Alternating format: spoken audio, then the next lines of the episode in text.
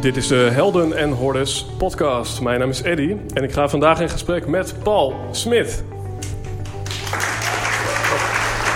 In de zomer van 2016 ontdekten we dat we in schakel waren in een netwerk van mensen die wij conscious business founders zijn gaan noemen.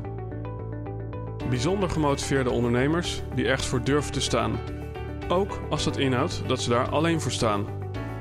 Die 200% toewijding willen geven voor 1% groei en zeggen: Dit ben ik en dit is mijn bijdrage aan een meer gebalanceerde wereld. Helaas kon je niet bij al deze gesprekken aanwezig zijn. Daarom hebben we die bijzondere verhalen voor je samengebracht in deze podcast. We wensen je veel luisterplezier, maar belangrijker nog, we hopen dat jij de volgende stap gaat zetten in jouw avontuur. Yes, beste mensen, ik begin met een stukje inleiding. We leven in een DIY-tijdperk, wat betekent do it, do it yourself. En dat betekent dat we heel makkelijk uh, een band kunnen starten. We kunnen heel makkelijk leren fotograferen. We kunnen makkelijk uh, dingen schrijven, copyrighten. En we kunnen heel makkelijk ondernemer worden. En in dat laatste zit iets interessants. Want ik las gisteren op nu.nl dat er in 2018 opnieuw weer meer ondernemers bij zijn gekomen. En dat dat alle records tot nu toe verbrak. Maar als we niet uitkijken, dan zitten we volgend jaar met steeds minder ondernemers en creatieven. Want daarmee staan er natuurlijk ook steeds meer mensen op die op papier hetzelfde doen doen als wat jij doet. En onze reactie erop is dat we dan denken, nou, we gaan eventjes met z'n allen out of the box denken. En dan denk ik bij mezelf, out of the box, we zitten hier in een box, onze auto is een box, onze mobieltje is een box, ons toilet, onze lift is een box. Dus als we ja, maar door blijven boksen, dan uh, staan we zometeen allemaal buiten die boxes. Maar dan komen we elkaar daar weer tegen en dan zijn we weer niet origineel. Dus ik denk dat het belangrijk is om te kijken van hoe kan ik creativiteit als artiest, als ondernemer, als muzikant nog voor mij laten werken. En misschien, Paul, is het dan goed dat jij je even voorstelt en dat we eens gaan kijken van hey, hoe werkt dat eigenlijk in ons brein, die creativiteit? Uh, ja, uh, nou, ik ben Paul Smit. Ik ben um, ehm, 1999 alweer, ik word oud, uh, afgestudeerd op de evolutie van het menselijk bewustzijn. Super vaag, heb je niks aan. Um, en, en, daarna ben ik heel erg de neurowetenschappen ingedoken. En dat was eigenlijk omdat ik bezig was met de Indiaanse filosofie. En die werd neurowetenschappelijk opeens onderbouwd. En dat was eigenlijk mijn interesse was uh, gewekt. Dus daar heb ik me diep ingegraven. En uh, ik treed voornamelijk op voor bedrijven, waarbij ik neurowetenschap kop met wat uh, koppel aan wat humor. En ik heb een consultancybureau in uh, Amerika, waarbij we advies geven, ook vanuit neurowetenschappelijke inzichten. Mm. Ja, Paul, want uh, hè, dan hebben we het over creativiteit. En als ik dan inderdaad even vanuit de spirituele hoek kijk, dan wordt er vanuit het boeddhisme gezegd: a calm mind is a creative mind. Terwijl ik weet dat de wetenschap zegt ja, maar wacht eens even. Het is volgens mij juist chaos. Kijk naar oorlog en schaarste, waarin creativiteit ontstaat. Dus moet ik nou rustig in mijn zolderkamer gaan mediteren om creatief te worden? Of moet ik uh, al mijn Lego-dozen Lego in mijn kamer en even flink in de rotzooi gaan zitten? Nou, kijk, wanneer ons brein uh, verandert, of wanneer die schakelt of een innovatief idee daarna op zoek gaat, dat komt door twee factoren. Dat is of urgentie of het is passie. Mhm. Dus wanneer verander je, dat, is, dat zie je bij jongeren, die zijn soms zo gepassioneerd. Dan schakelen alle delen in jouw brein. En dan verander je. En het tweede punt waarop je verandert is urgentie. Dus wanneer veranderen mensen vaak het meeste? Dat zijn de mhm. grote crisissen die je in je leven hebt. Want dat boort ook jouw brein aan, geeft jou die trigger om te komen tot iets nieuws. Dus eigenlijk heeft Boeddha ongelijk. Want hij zei van nou, als je een water hebt en dat ligt stil, dan zie je wat er op de bodem ligt. Nou, Boeddha had echt wel een punt. Die man was zo gek nog niet. Um, als namelijk jouw mind heel gestrest is met allerlei piekergedachten en je gaat heel rationeel nadenken, dat is het einde van je creativiteit. Dus het is wel een, een calm mind is een creative mind. Uh, alleen wanneer gaat die mind getriggerd worden, is wel passie of urgentie. Maar dat mhm. zijn voor mij twee andere dingen. Ja, want ook daar eh, ga ik lekker kritisch op in. Hè. Passie en urgentie, hij zegt dat zijn andere dingen. Maar dan zegt het Latijnse woordenboek dat passie het Latijnse woord voor lijden is. Dus is dat dan niet juist ook uh, uh, ja, de passion of the Christ? Is dat dan niet juist ook weer pijn, dat lijden? Dat nou ja, kijk, het, het, uh, je hebt drie lagen in je brein. Mm -hmm. jouw reptielenbrein wil alleen maar overleven en die doet het liefst alles vanuit routine. -hmm. Dus daarom doe je ook superveel patroontjes per dag allemaal hetzelfde als dat je gisteren deed. Dat zit in het reptiele brein. Dan is je zoogdierenbrein zit daarop. Die wil zoveel mogelijk plezier krijgen en pijn en moeite vermijden. Dus een beetje de luie puber in je hoofd. En dan heb je nog je neocortex, je mensenbrein. En, mm -hmm. en die kan uh, rationeel nadenken. Mm -hmm. Nou, wat zie je nu? Dat als we vaak bijvoorbeeld op 1 januari een goed voornemen hebben... dat doe je met je mensenbrein. Alleen, dat is hartstikke leuk dat je dat roept. Van ik stop met chocola en ik ga nooit meer bier drinken. Jouw reptiele brein denkt, ja wacht even. Dat doe ik altijd. En jouw zoogdierenbrein denkt, wacht eens even. Dat geeft mij plezier. Dus wat zie je? Ja, die goede voornemens werken bijna nooit. Omdat je oudere delen van het brein verslaan hem. Nou, wanneer verandert de mens nu wel? Dat is als al die drie delen gaan samenwerken. En dat is dus vanuit een trigger van urgentie. Dan mm-hmm. moet je wel. Een soort overlevingsstand. En de andere, dat zit in de mens, passie. En dat is, passie is de, de welwillendheid om te lijden. Mm-hmm. Maar dat doet dus vooral je zoogdierenbrein alleen als je zo gedreven bent. Mm-hmm. En dus als jij voor het eerst gitaar gaat spelen. Iemand wel eens geprobeerd? Ja, wie, wie heeft het opgegeven na een dag of drie? Ja. Nou, er staan heel veel gitaren in woonkamers onder het stof in de hoek. Ongestemd. Ja. En dat komt, jij probeert dat twee dagen. En jouw zoogdier erbij denkt, wat ben jij aan het doen zeg? Ja, dat is moeite. En dus zet je hem weg. En alleen als je heel gepassioneerd bent... Uh, heeft jouw brein de welwillendheid om die pijn in je vingers en dat gedoe om dat door te zetten. Mm -hmm. Dan noem je meteen even wat. Hè. Ik heb uh, gehoord dat uh, ik, ik, ik, was bezig met van wat zijn allerlei gekke manieren om cre creatief te zijn. Eentje daarvan is, nou creativiteit ontstaat vaak onder de douche. Ja. Wil ik zo even aan je horen of dat echt zo is of dat het dat een fabeltje. Ja. Oké, okay, nou hebben we die alvast gehad. Nou, het is leuk als je dat even toelicht zo. Duidelijk te uitleggen ook, hè? Dat is echt zo. En uh, dan heb ik ook uh, begrepen dat, dat door bijvoorbeeld gitaar te spelen, dus door muzikaal te zijn, uh, word ik creatiever. En dat is wat mij betreft een pa paradox. Want ik denk, ja, ik speel gitaar. Nou, ik moet eventjes flink ja, inspiratie krijgen om een nieuw liedje te schrijven. Maar dan heb ik eens gehoord, ja, juist door dat bezig zijn word je weer creatiever. Dus hoe zit dat? Ja, dat is een aantal vragen in één zin. Maar Uh, zullen we bij de douche beginnen? Nou, laten we dat doen. Oké. Okay. Nou, je, je, hebt verschillende staten in jouw brein. Als jij... Uh, in, uh, net voordat je in slaap valt, kom je in de theta-stand, heet dat. En dan, dan ga je mijmeren en dan heb je nog net allerlei vlagen die door je hoofd schieten. Dat is super creatief, omdat jouw neocortex zet geen logica meer neer. -hmm. op het moment dat je productief bent, dan zit je in de, de, de beta-stand. Dan ben je heel productief en gefocust, maar je bent niet creatief. Creatief, dat ben je juist in de alfa-stand. Als jouw brein eh, tot rust is, ja, heb je andere ja, hersengolven. Dus eh, wat je vaak bij douchen kom je in die alfa-stand, soms zelfs in die theta-stand. En dus ondouchen heb je al de mooie uh, bevindingen. Mm -hmm. Wat ook inhoudt dat in bedrijven zie ik vaak, als ze creatief willen zijn, wat gaan ze dan doen? Douchen. ja. Het zijn andere bedrijven, maar het zou wel beter zijn inderdaad. Nee, ik zocht een ander woord. Brainstormen. En brainstormen is dus de slechtst mogelijke manier om creatief te worden. In veel gevallen. Want wat je krijgt, je krijgt een groep mensen rond een tafel. En die denken, ja, ik wil niet voor lul staan. Uh, ik moet iets gaan roepen. Dus je gaat allemaal in de verkeerde stand in je brein staan. En dan gaat iedereen de oude ideeën die je toch al had... nog een keer op tafel leggen. Dus ook bij veel bedrijven, als ze willen innoveren... gaan ze helemaal niet met hun eigen team babbelen. Want dan heb je tunnelvisie. Die gaan juist buiten zichzelf zoeken. Dus ja. die pakken de laatste bij een vriend van mij, die zit bij SAP. Die vragen de CEO van de Efteling bijvoorbeeld. Ja. En die man heeft een totaal andere blik. En dan word je creatief. Ja, want uh, dan heb je inderdaad Einstein, die heeft uh, geloof ik gezegd... Uh, moet je me misschien even helpen? Einstein die zei, creativiteit is intelligence having fun. Ja, dat vind ik een hele mooie. Ja. ja.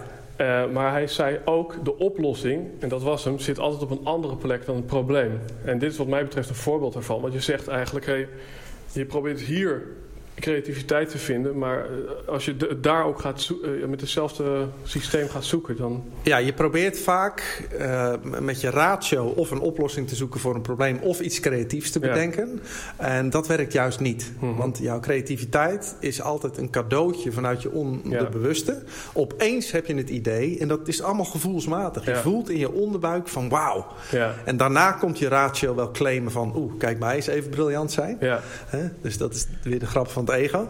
Maar uh, creativiteit, dat zijn gewoon cadeautjes. Maar hetzelfde als je in je leven een probleem hebt, ja, kun je heel hard gaan nadenken. Je kunt beter gewoon even rust nemen. Mm -hmm. En die oplossing komt vanzelf. Ja, want wat ik, wat ik vooral uit je verhaal beluister, is dat die rust mentale rust is. Juist. Want, want ik heb ook juist begrepen dat bijvoorbeeld wandelen, dat dat weer uh, bloed naar je hoofd doet laten stijgen. En dat je dan, bijvoorbeeld Steve Jobs die deed dat, om ja. tot ideeën te komen. Ja, dus, dus mentale rust. Hè. Je, uh -huh. je hoofd moet eigenlijk leeg zijn, wil er een nieuw idee inkomen. Uh -huh. Maar natuurlijk geeft beweging, gezonde voeding heel goed. Het is belangrijk, uh, veel slapen. Uh -huh. Ja, dat zijn allemaal voeding voor het brein om creatief te kunnen zijn. Ja, en nu komen we op iets interessants. Want uh, misschien ken je de artiest Jet Rebel. En Jet Rebel vond ik altijd een hele gave gast in zijn eerste twee albums. Ja. En toen werd Jet Rebel sober. ja. en toen vond ik er geen zak meer aan. Nee. En is dat is dat wetenschappelijk verklaarbaar? Want jij zegt eigenlijk, nou, als je goed slaapt, dan ben je ook lekker creatief. Hè? En uh, Jet Rebel uh, die gaat gezonder leven. Dan zou je denken, nou, dat ligt misschien dezelfde lijn als goed slapen. En zijn muziek, uh, ja, sorry als hij, als hij luistert, ik weet het niet. Ja. Maar ja, voor mij was het in ieder geval zo dat het uh, een beetje tegenviel daarna. Nou, er kunnen verschillende dingen gebeuren. Kijk, op het moment dat jij gaat drinken, schakel je je neocortex een beetje uit. Dus die, die babbelaar in je hoofd, die houdt eventjes zijn mond. En doordat die wegvalt, komt er opeens creativiteit vrij. Dus je ziet dat uh, artiesten met drugs dus tot leuke ideeën komen. Uh, aan de andere kant is het ook weer zo... op het moment dat je met al die drank je brein zo vermoeit... word je weer minder creatief. Mm -hmm. dus, dus ik ben gestopt met drinken. En ik merk, ik ben echt twee keer zo creatief als normaal. Omdat mijn brein helemaal uitgerust ja. is. Maar ja. voor sommigen, die kunnen beter drinken misschien. Ja, ja. want, want dat heeft misschien ook te maken met zelfvertrouwen. Er zijn natuurlijk een heleboel mensen die denken dat ze beter presteren als ze bijvoorbeeld uh, ja, een drankje op hebben. Hoe, hoe verhoudt uh, volgens jou zelfvertrouwen zich tot creativiteit? Hè? Want wij zitten hier. Nou, veel mensen vinden het ook eng om uh, onstage te zijn. Maar, maar, maar hoe zit dat met iets durven en daarin ook daardoor misschien wel creatiever zijn? nou kijk, angst blokkeert creativiteit. Hè? Dus angst zorgt direct weer voor muppets in je hoofd. Dan gaat die babbelaar weer tekeer van kan ik het wel, wat zullen anderen van me vinden. En als jij in een creatief proces bezig gaat met wat anderen van je zullen gaan vinden... Mm -hmm. nou, dan kun je beter tv gaan kijken. Ja. Um, dus dus uh, het, oervertrouwen op je eigen brein is eigenlijk waar het om draait. Hè? Dus, dus je, Terwijl heel veel liedjes wel over angst gaan. Hè? Ja, ik ben een beetje vervelend, maar heel veel liedjes gaan over uh, ja, dat, je, dat je misschien afhankelijk bent van een partner, of, of in ieder geval denkt dat dat zo is. Dat komt dan niet heel zelfverzekerd over. Of zelfstandig nee, je, in ieder geval. Kijk, het is natuurlijk, creativiteit is een soort uitlaatklep van het brein. Dus mm -hmm. je kunt in plaats van naar een therapeut gaan, betere liedjes schrijven. En uh, kijk naar gemiddelde cabaretier op het podium. Die is gewoon daar zijn jeugd aan het oplossen. He, dus heel veel creativiteit komt voort doordat je papa en mama je te weinig aandacht gaven. En dat is hartstikke handig. Ja. Dus als je kinderen hebt... nou, mam, uh, mijn moeder zit... Hey, um, ja, hè, en dan hebben we het net ook even over artiesten gehad. En dan herinner ik me dat je ook wel eens gezegd hebt dat de, de meest ja, interessante muziek, als we bijvoorbeeld kijken naar de Rolling Stone Top 100, dan kijken we naar de top 10. Ja. Er zitten Beach Boys in en de Beatles. Ja. En dan kijken we naar hoe oud die mensen waren. En die bleken dan tussen de 20 en 30 jaar oud te zijn, bijna altijd. Behalve... Bijna alle nummers uit de top 2000. Er zijn wat uitzonderingen okay. natuurlijk. Maar je ziet uh, vaak zo rond 27 jaar oud... Uh, zitten die breintjes op hun meest briljante fase. En hoe komt dat? Uh, jouw brein is tussen je 20ste en 30ste nog veel minder geremd. Dus, dus je bent sowieso creatiever. Mm. Je hebt meer dopamine in je brein. Dus jouw brein slingert gewoon meer ideeën uh, je hoofd in. Dus die conditionering is nog helemaal niet zo sterk. En je, ziet dan, je zit op je creatieve piek op dat moment. Mhm. En dan zie je dat het ene na het andere liedje komt eruit. Dus die artiesten schrijven briljante nummers. En dan meestal rond hun 35ste neemt de dopamine af. Dan word je meer gekaderd, gaat je Mhm. brein meer remmen. En daarna gaan ze een leven lang hun oude liedjes herhalen. Alright, dus dan gaan we nu eventjes in de zaal kijken. Wie is hier allemaal tussen de 20 en 30? Handen omhoog. Oké. Eh, nou, eh, nu alle handen omhoog van mensen die daar toch ietsje boven zitten. Yes. Yes, nou, jullie kunnen allemaal naar huis inpakken, want... eh, Nee, nee, kijk, ho, ho, kijk. Als je ouder wordt, krijg je een ander soort creativiteit. Dus de, de, de echt de totaal vernieuwende ingevingen, dat, die kans is minder groot. Maar, natuurlijk creëer je nog eh, creatieve ideeën. Maar door jouw levenservaring en inzichten kun je die veel beter ankeren en veel beter sturen. Ja. Dus bij Google en Apple dan zie je ook dat hun innovatieteams zijn allemaal van die broekjes tussen 20 en 30. Maar daarboven hangen de seniors die dat weer sturing geven. Ja. En die kunnen met hun eh, wijsheid als het ware weer veel beter eh, kijken of iets wel of niet gaat werken. Ja, want voor de muziekliefhebber, ik, ik weet volgens mij Bruce Springsteen, maar ook Elbow en Wilco, dat zijn volgens mij muziekvoorbeelden van mensen die eigenlijk pas begonnen te pieken. Toen, nou, vol- volgens mij was Bruce Springsteen een jaartje of 40 of 50. Ja, Dus volgens mij hebben we, hebben we, nog, eh, hebben we nog wel kans. of Phil Collins ook. Na Genesis, die was ook volgens mij al eind 30. Ja. Die begon nog. Dus het kan wel. Maar als je nu naar het nieuwe album van Brian Adams luistert of zo, ja, dat is gewoon op. Ja, Ja, dat klinkt heel lullig, maar het, het, is een beetje, jij herhaalt nog een beetje de stijl die je ooit over Joep van het Hek. Of, eh, maar het geldt ook voor mij, hè, dat alles wat ik creëer is, is ja, iets meer een herhaling van wat ik al deed. Maar ik zal niet eh, komen met een hele nieuwe vorm van humor. Die kans is Mhm. gewoon kleiner. dus u had eigenlijk ook gewoon een podcast kunnen luisteren met Paul Smit van een jaar geleden. ja, even verschillend. Hey, en eh, een ander mooi bruggetje wat ik wil maken. hè. Ik kan me voorstellen, misschien nog een keer de hand omhoog. Wie zijn hier allemaal ondernemer of iets aan het ondernemen? Nou, dat zijn er toch ook wel een heel aantal. En dan kan ik me eigenlijk voorstellen dat... ehm, ik ben zelf ook ondernemer. En ik worstel dan altijd mee. Er wordt gezegd... Ja, als je het even sorteert, hè, dan heb je drie typen mensen. Je hebt ondernemers, je hebt eh, managers en je hebt artiesten, wordt er wel eens gezegd. En toen dacht ik, ja shit, waar val ik dan eigenlijk onder? Ja, ik zit hier ook, ik vind het vooral leuk. En wat er binnenkomt, dat zien we daarna wel weer. Maar is het in creativiteit eh, belangrijk om te kijken voor wie je dat maakt? Dus doelgroep eh, gerelateerde dingen maken. En is dat ook wat je zegt bij mensen die wat ouder zijn? Dat ze wat meer rekening houden met... Kunnen we het draagvlak geven voor bijvoorbeeld een doelgroep? Ja, omdat je al die ervaring met je meeneemt. Dat is het voordeel. Hè? En dat Mhm. voordeel natuurlijk van de jongeren is... die kunnen zo out of the box dingen roepen. En dat zeker bij kinderen, dan is die neocortex rem nog bijna niet. Ik had laatst de, de dochter van mijn vriendin, die is vier. En die gaat opeens op de bank staan. Lang zal ze leven. En weet je, het- uit het niets de meest krankzinnige dingen. En dat is voor zo'n kind, ja, super logisch. En wij denken irritant, maar eigenlijk is het super creatief. Want het gaat, het slingert alle kanten op, Ja. dat, dat brein. En dat is net als als je droomt bijvoorbeeld, dan ook. In jouw droom remt je neocortex jouw beelden niet.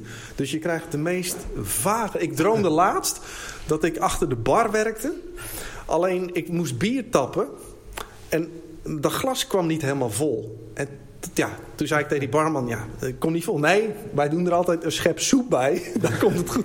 Dat je denkt, waar komt het vandaan? Dus het is eigenlijk super creatief.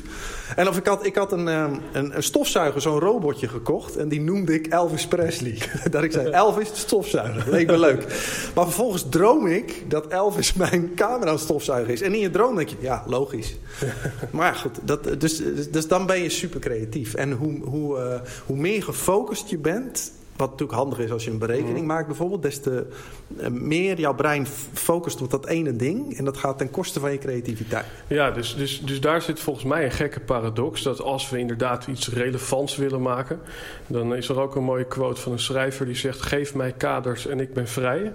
Ehm, weet je wel, en binnen een bepaalde creatieve box ja, kan je creatief zijn. Maar jij zegt eigenlijk in die dromen is die box er niet. Dus Nee, maar in een droom creëer je ook niets functioneels. Hè? Dus Nee. het, is, het is als je in een creatief proces zit wel handig dat je bepaalde kaders hebt. Zodat Ja. je enigszins je creativiteit kunt richten. Dat is Ja. wel belangrijk.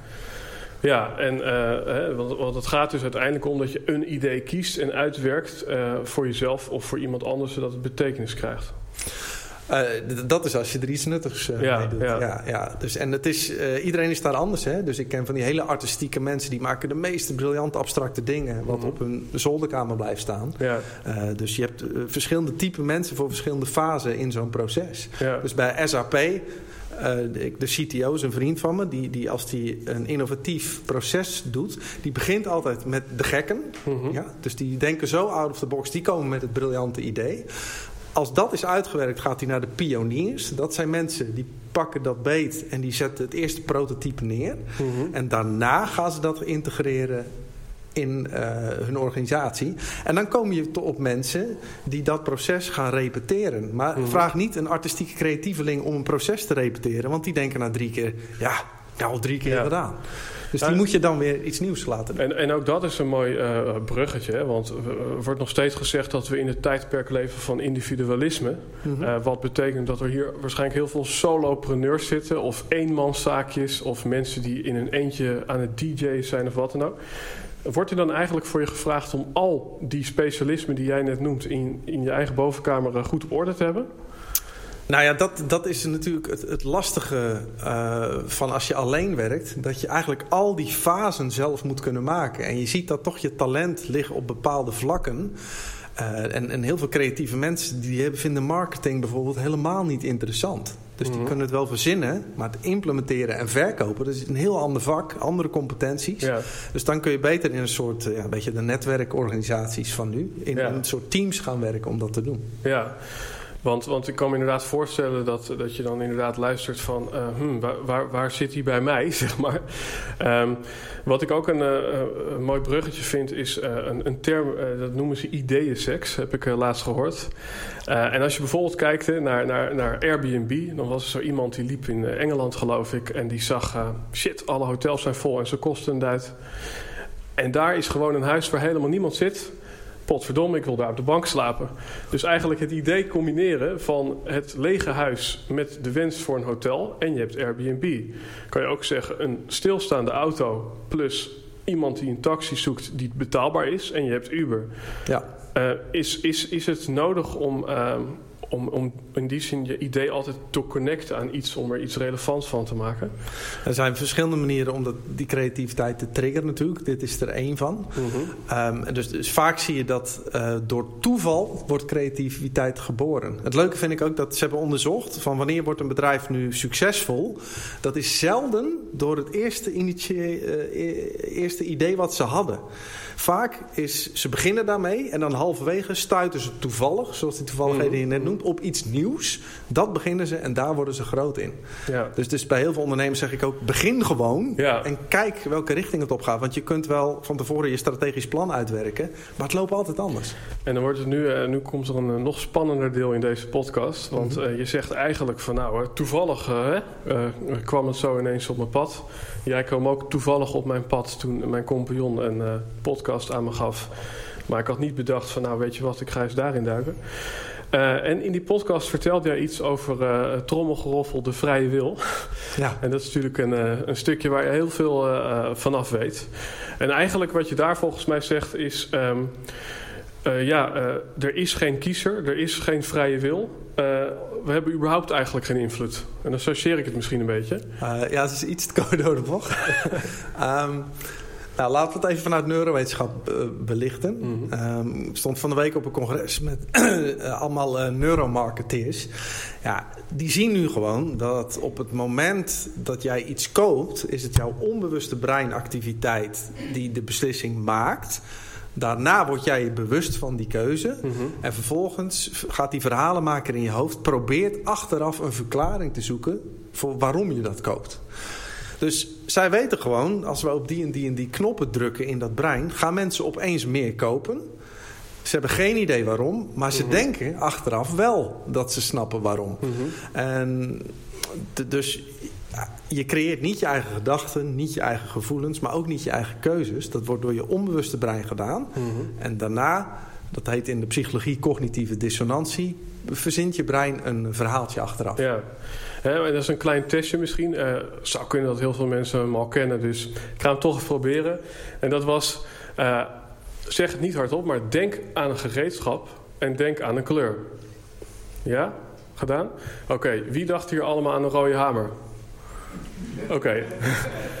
ja, nou ja, dat is uh, 25 procent. Uh, waarschijnlijk waren mensen misschien een beetje geïnformeerd. Maar ik heb gehoord dat het dus ja, op een grote uh, statistisch niveau is dus iets van 80 procent. En dan denk ik bij mezelf, ja, blijkbaar hebben we dus helemaal geen vrije wil. nou ja, uiteindelijk... En dan, en dan, denk je misschien creatief een rode hamer gekozen te hebben, maar... Nou ja, dus, kijk, we kunnen nog dieper gaan. En dan zien we natuurlijk dat er eigenlijk niet eens een ik in jou zit die de keuze maakt. Dus het idee dat je een ik bent, is ook maar een constructie van je brein. En dan gaat het wel heel diep. Mm Dus uiteindelijk zie je dat je niet bestaat. Maar ja, het is, altijd een leuke boodschap. Vertel ik niet in het bedrijfsleven, want dan heb ik geen werk meer. uh, ik ben wel slim. Nou ja, dus eigenlijk is die, die ik die je denkt te zijn, is er ook al niet. Dus er is niet eens iemand die zou kunnen kiezen. Hmm. En wat is nou het voordeel als je dit beseft? Als je ziet dus dat alles eigenlijk energie in beweging is. En dan gaat alles in het leven gaat zoals het gaat. Dan komt op een gegeven moment al dat gepieker met al die projecties, dat kan tot rust komen. Hmm. Dus wij mensen leven vaak uh, met zoveel uh, projecties naar het verleden toe. Met allemaal frustratie en verwijten en schuldgevoelens. En naar de toekomst toe leven al met allemaal angstgedachten. Wat als, stel nu dat. En beiden blokkeren je creativiteit. Mhm. Dus op het moment dat dat stil komt te vallen kom je in flow. En we weten allemaal in flow, hè, dan, dan staat je mind uit en dan, dan, komt het vanzelf. Mhm. En dat zie je ook bij bands. Die schrijven vaak hun eerste, eerste eh, twee albums vaak vanuit die flow. Er zit geen enkele gepieker of wat dan ook op. Briljante albums. Mhm. En dan krijgen ze een heel groot contract. En dan wordt er gezegd binnen twee jaar nieuw album opleveren. En dan gaan ze opeens nadenken. Dan gaat die neocortex aan. En dan, ja, dat weten we als je creatieveling bent, heb je een writersblok. Mm En uh, ja, dan komt echt niks nieuws. Dan ga je je oude materiaal nog een keer uh, hershuffelen als het ware. Ja, wat ik, wat ik daar ook weer een mooi uh, vind is... Um, uh, op een gegeven moment, misschien is dit een, een, een, een, valse consensus, maar op een gegeven moment heb je uh, alles wel gehad hè, qua creativiteit. Dus als je bijvoorbeeld naar de muziekwereld uh, kijkt, nou, er zijn er allerlei stromingen gemixt, weer die ideeënseks, zeg maar. en op, op, een gegeven moment dan heb je alles wel gehad. Um, en toen heb jij mij volgens mij wel eens verteld van... Hey, als ouder vind je vaak de muziek van je kinderen ruk... Ja. Um, en, maar dat gaat ook weer op de volgende generatie zo door. Dus ik denk misschien, nou, ik heb een goede muzieksmaak, maar als ik een kleintje heb, dan. Uh, dan denk ik, nou, ik hoorde mijn laatste thema zo zeggen: oh, mag alsjeblieft die herrie af. Verschrikkelijk. als hij dan in mijn auto zit en ik draai veel Collins, zit hij echt van: alsjeblieft, wat een herrie. Weet ja. Hoe komt dat? Um, in de puberteit maakt jouw brein de grootste uh, ontwikkeling door. Hè, met de, eigenlijk de grootste emoties, want alles is ook voor het eerst en alles is mm. nieuw. En jouw brein koppelt een emotie altijd het meest met de herinnering. Dus de muzieksmaak die je in je puberteit opbouwt, is bijna altijd de muziek die je de rest van je leven het leukst blijft vinden. Dat is echt spijtig voor mijn zoon, voor die bagger die, die luistert. Maar goed. Maar wie weet er bijvoorbeeld nog waar die was op 9-11? Ja, iedereen. Ja. Hoe komt dat? Dat is een hele grote emotie. En jouw brein koppelt grote emoties altijd met je herinnering. En dit geldt ook als je je creativiteit uit of je marketing doet. Zorg altijd dat er een emotie bij gepaard. Maar dan is eigenlijk in die puberteit dan is je emotie het grootst. Kan je dat zo zeggen? Nou, je, omdat alles, je eerste verliefdheid, je eerste keer biertje mhm. drinken, je eerste keer, eh, nou, eh, van alles. Uh, ik weet even niet nog meer wat ik kan opnoemen, maar dat koppel je. Mhm. ja? Dus, dus, eh, je eerste vriendinnetje of vriend, dat weet je ook nog het best. En mhm. die ergens op nummer 20 ben je echt kwijt. Zeg. Omdat je dan heel veel bent gaan drinken waarschijnlijk. ja, ook dat. Hey, en, want want hè, dit is misschien ook weer gewoon uh, nou, een, een, een, observatie die niet klopt. Hè? Maar ik, ik kijk zo eventjes naar de muziek van uh, 100 jaar geleden.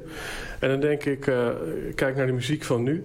En dan lijkt het wel alsof de muziek uit steeds minder melodie begint te bestaan, uit steeds minder lagen begint te bestaan, steeds sneller geproduceerd wordt en ook steeds sneller niet meer leuk is. Ja, en dat is, dat is een beetje... Worden wij uh, steeds dommer dan? Of uh, nee, nee. minder creatief? Kijk, uh, we gaan nu naar een tijd toe waarbij de AI, de Artificial Intelligence... die kan scannen op welke tonen ons brein triggert. En binnen vijf jaar maakt die AI muziek. Dus de computer maakt muziek op de radio... Uh, en die, die triggert jouw brein het meest. Een soort algoritme wordt dat. Mm -hmm. Alleen die ben je ook het snelst zat. Kijk, wat ik jammer vind van Spotify, hoe handig ik het ook vind, dat platform. Vroeger, dan kocht je een cd en dan stonden daar drie nummers op die je heel goed vond. En er stonden ook nummers dat je dacht, wat een bagger. Maar ja, je had toch 40 gulden uitgegeven. Dus dan ging je die cd draaien. En op een gegeven moment dacht je... Zo, het is eigenlijk briljant, die andere nummers. En die nummers bleef je het langst bij. Dus de, de, de nummers die het meeste à la McDonald's hamburger hapslik weg zijn... blijven vaak, bij mij althans, het minst lang hangen. Ja. En wat artistieker en creatiever is... triggert je uiteindelijk meer... en vergroot ook jouw eh, muziekinteresse en, Ja. en de breedheid daarin. Maar wat je nu krijgt, omdat al die muziek wordt gemaakt op instant satisfaction... dat verkoopt het snelst, draaien we het meest... Eh, en dat gaat ten koste van de creativiteit. Ja, dus, dus, dus daarmee is dat hele stuk hè, waar we het nu over hebben, veel ondernemers of mensen die in ieder geval van betekenis willen zijn. Dus eigenlijk is het een, een- bijna een killer, zou je zeggen, dat je altijd dat creatieve proces start. Misschien zit je hier wel in de zaal met de intentie betere ideeën te maken om ze te kunnen verkopen. En dat is, eigenlijk, dat is dus eigenlijk een killer, klopt dat? Ja, dat is een killer. En daarom ben ik ook heel blij dat nu blijkt ook uit onderzoeken dat die marketeers, die hebben nu al geprobeerd, ook met Facebook en, en, en Instagram algoritmes, om je te manipuleren. Dat doen ze volop trouwens. Ehm, en nu blijkt dat de- waarin ze zich eh, nu in marketing nog kunnen onderscheiden, is als het iets meaningfuls is. Dus de mens is nu heel erg aan het kijken van wat is betekenisvol voor mij, wat wil ik bijdragen aan deze wereld. Dus in Amerika zie je een hele verschuiving van dat instant satisfaction naar willen iets betekenisvol Ja. doen. En dat vind ik wel weer een positieve ontwikkeling. Ja, en, en is dat, dat, dat stukje meaning, is dat dan niet ook weer eh, datzelfde brein wat... eh, hè, want ik, ik doe zelf werk, eh, ik, eh, ik, ik help mensen met hun verhaal en hun propositie. En als ik nu zo even terugkijk naar een stuk of honderd klanten... dan is eigenlijk dit de zin die voor iedereen geldt. Hoi, ik ben Piet. Ik wil met mijn talent en passie gecombineerd de wereld een stukje mooier maken. Dus hebben we dan niet uiteindelijk allemaal dezelfde meaning? En, eh, nou, dezelfde meaning is, wij zijn natuurlijk sociale wezens. We leven altijd in sociale groepen. Dus jouw brein wil ten eerste, ten koste wat kost, bij die groep horen. En dat is weer een stukje deel van de seksuele selectie in ons. Op het moment dat jij iets betekenisvol doet voor de groep, verhoogde je je status vroeger. En Ja. dat zit zo diep geankerd dat nog steeds het idealisme daaruit voortkomt. Wat, Ja. wat, wat wel mooi is dat we dat hebben natuurlijk. Dus eigenlijk is eh, eh, het idealisme, dat staat in wezen voor eh, ja, iets bijdragen, iets voor de ander betekenen. Maar Nou, in de eigenlijk- oertijd was het zo, als ik iets idealistisch kon doen of iets voor de groep, betekende dat dat ik zelf al, eh, alles geregeld had. Ik had genoeg voeding en ik was sterk en ik had zelfs dan nog genoeg energie over om iets aan een ander te geven. Mhm. En eh, dat, dat zit dus diep geankerd in de mens nu. Ja, Dus vandaar dat iedereen ook voelt van ik wil met mijn talent en passie iets bijdragen. Dat Ja. is een heel natuurlijk iets. En dan is het aan jou de kunst natuurlijk wat dat iets dan eh, is. Mhm. Want dat is voor ieder mens anders. En, en geloof je, eh, als, als we. eh, Oké, dit is ook weer even misschien een hypothese. Maar er wordt eens gezegd: zometeen krijgen we basisinkomen. Dus eh, iedereen krijgt een stukje geld. Want heel veel arbeid met de handjes die wordt overgenomen door machines. Waardoor er steeds meer mensen in het beroep vallen van communicatie en coaching en dat soort dingen. Ehm, ja, en dan, dan, dan heb je dat. En biedt dat dan ook meer mogelijkheid tot jezelf creatief uiten? Of, Ja, kijk, voor creativiteit ehm, moet je eerste angsten vrij zijn. Hè? Dus als jij vroeger in de oertijd moest overleven, ging je echt niet filosoferen of creatief zijn. Dan was je bezig met je primaire Mhm. belevensbehoeften. Dus als die voor, voorzien zijn, dan heb je nog energie en ruimte vrij om dat te gaan doen. Mhm. Eh, dus eh, ik, ik zou, ik weet niet 100% of dat voor iedereen werkt, het basisinkomen. Maar het, een pilot, dat hebben ze bij Indianen gedaan. Mhm. Eh, en daar werkt het. Zij dachten namelijk, we geven al die, Indi die hele Indianenstam kreeg een basisinkomen. En ze hebben gewoon gekeken, gaan die nou echt heel de dag in die hangmat hangen? Mhm. Wat gaan ze doen? En wat bleek, die gaan harder werken dan daarvoor. Want omdat ze voorzien waren, was die angst weg, kwam de creativiteit en passie terug. Ja. En die zijn van alles gaan oprichten. Mhm. Dus het, het viel juist positief uit. En ik denk dat als we dat al is het in één dorp in Nederland is gaan proberen, Mhm. Ik verwacht een positieve uitkomst, omdat Ja. je de angsten bij mensen weghaalt. En die machines en, en AI's die gaan toch 50% van het werk overnemen. Dus de, de mens is nog goed voor voornamelijk vier, de vier C'tjes. Creativity, communication, collaboration en eh, critical thinking. Dat zijn de, de- wat de trendwatchers Oh, zeggen, de vier belangrijkste. Ja. Dus daarin onderscheid je als mens. Ja, eh, want ik kan me voorstellen dat je dan in die toekomst inderdaad diezelfde artificial intelligence hebt, die dus de muziek gaat maken, die misschien zelfs bioscoopfilms gaat maken, die voedsel gaat maken wat enorm prikkelt. En ehm, zijn wij op een gegeven moment in staat om daar tegenop te concurreren? Of, of, of, of komt er zometeen een robot die gewoon echt een mooier liedje kan zingen dan ik? Nou ja, je ziet Kijk, op een gegeven moment wordt ons brein continu uh, uitgedaagd en overprikkeld. Maar het mhm. brein is geen dom apparaat. Die maakt daar ook weer korte metten van. Dus bijvoorbeeld bij mijn zoon. Die was in het begin compleet verslaafd aan die telefoon. En die algoritmes van Facebook en, en uh, Instagram en zo... Mhm. die houden jou gevangen daarin. Mhm. Maar op een gegeven moment toen al die platforms dat... dus hij krijgt zoveel informatie per dag... dat zijn brein zegt, pff, wat een moeite. En hij en zijn vriendjes laten die telefoon slingeren. En die gaan nu buiten spelen met elkaar. Dan gaan ze gezellig met z'n allen naar de Mac of wat dan ook. Maar dan zie je opeens een tegenreactie ontstaan. En ik zie dat nu ook bij heel veel mensen die denken... al die platforms je wordt er ook weer moe van. Dus, mhm. dus ik ben niet bang dat we allemaal als een soort verslaafde gaan. En je ziet nu ook dat het heel veel mensen uh, merken dat Facebook en Instagram maken je depressief. Want je kijkt heel de dag naar de mooiste momenten van ieder ander. Dus mhm. jij zit op je werk en dan kijk je en zit je vriendin op Hawaii. En die is op wintersport en die zit in de sauna. En jij denkt, jeez, ja. ik zit hier.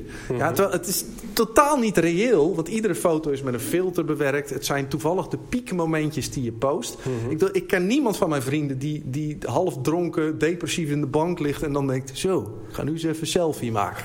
Weet je, dat zou eerlijk zijn. Dus mensen die vloggers volgen worden gelukkiger. Want je mhm. ziet een vlogger, dat zijn ook gewoon stumpers, ze maken fouten net als jij. Mhm. Eh, maar Instagram en Facebook maakt depressiever. Ja. En uh, nu hebben we het natuurlijk allemaal over de theorieën. En dan ben ik even benieuwd naar de persoon Paul Smit. Want jij bent cabaretier, uh, je bent ook muzikant. Ja, je bent ook neurowetenschapper en je weet veel over de non-dualiteit. Maar uh, wat doe jij als mens om inderdaad in die rust en in dat vertrouwen, in dat angstvrije stuk te komen? Nou ja, op een gegeven moment als je snapt hoe het systeem werkt, wordt het gewoon makkelijk. Mm -hmm. dus op het moment dat ik een iets creatiefs moet verzinnen... Ja, eigenlijk voel ik gewoon in mijn buik of het er wel of niet zit. Dat is, kan je niet verklaren. En soms dan bruist het en denk ik, oh, en dan ga ik zitten en dan... Maar ik heb ook momenten, dan is het er niet. En dan ga ik ook echt geen moeite doen. Mhm. En dan weet ik dat als ik maar gewoon even goed eten, goed slaap... dan komt mijn brein vanzelf. En dat kan één of twee dagen duren. En dan is het er. Dus het is echt het vertrouwen op dit wonderlijke apparaat. En, en stoppen met piekeren en denken, want dat blokkeert je mhm. totaal. Ja, want, want, het mooie van, van dat stukje voeding... ik heb wel eens gehoord dat je darmen ook eigenlijk een brein zijn... als je het biologisch bekijkt. En zelfs het eerste brein wat geïnstalleerd wordt... als jij uh, uh, ja, als babytje geboren wordt. Ja. Uh, en daar zit dus ook weer die Einstein van... de oplossing zit op een andere plek dan het probleem. Dus eigenlijk is ook daar weer van... ga zak af naar je buik... Als, je, als je hier meer resultaten mee wilt boeken. Ja, dus, dus je ziet ook dat, dat hele creatieve mensen zijn vaak ook sensitiever. Mm ja, dus die pikken ook alles op uit de omgeving. maar dat maakt je juist creatief. Mm Dus je ziet de corpus callosum, dat is dat middenstuk hier. Um, die remt minder bij hele creatieve mensen. Dus, dus die vangen ook alles op. En, en, vaak willen ze s'avonds een glas alcohol om even dat ding te dempen. Ja. Dat is wat vaak gebeurt. Of andere middelen bij creatieve mensen. Maar uh, dus, dus sommige mensen zijn gewoon gewired ook om echt creatiever te zijn dan bijvoorbeeld serotonine mensen. Want serotonine mm. remt alles. En die mensen, mm. zoals mijn boekhouder, zijn heel punctueel, kunnen heel goed focussen en, en, zijn dol op Excel sheets. Mm-hmm. Dus we hebben verschillende types. Maar ga niet. Ik was laatst, of laatst, een paar jaar geleden bij het kadaster. Allemaal serotonine mensen. En die hadden toen mm-hmm. de dag van het ondernemerschap out of the box denken. En je ziet die mannen allemaal met een kopje koffie van, oh, alsjeblieft, mag ik werken? dus daar zit niet de innovatie. Mm ja, wat ik eventjes interessant vind nog is... Um, uh, je hebt alfa en beta mensen. Wie, wie, wie, in de zaal ziet hier zichzelf als een alfa mens... en wie als een uh, beta mens? Eerst alfa. Oké. Wie, wie is beta? Ja, dan ben ik even benieuwd, Paul. Is het voor beta uh, mensen makkelijker of moeilijker om creatief te zijn dan voor alfa mensen?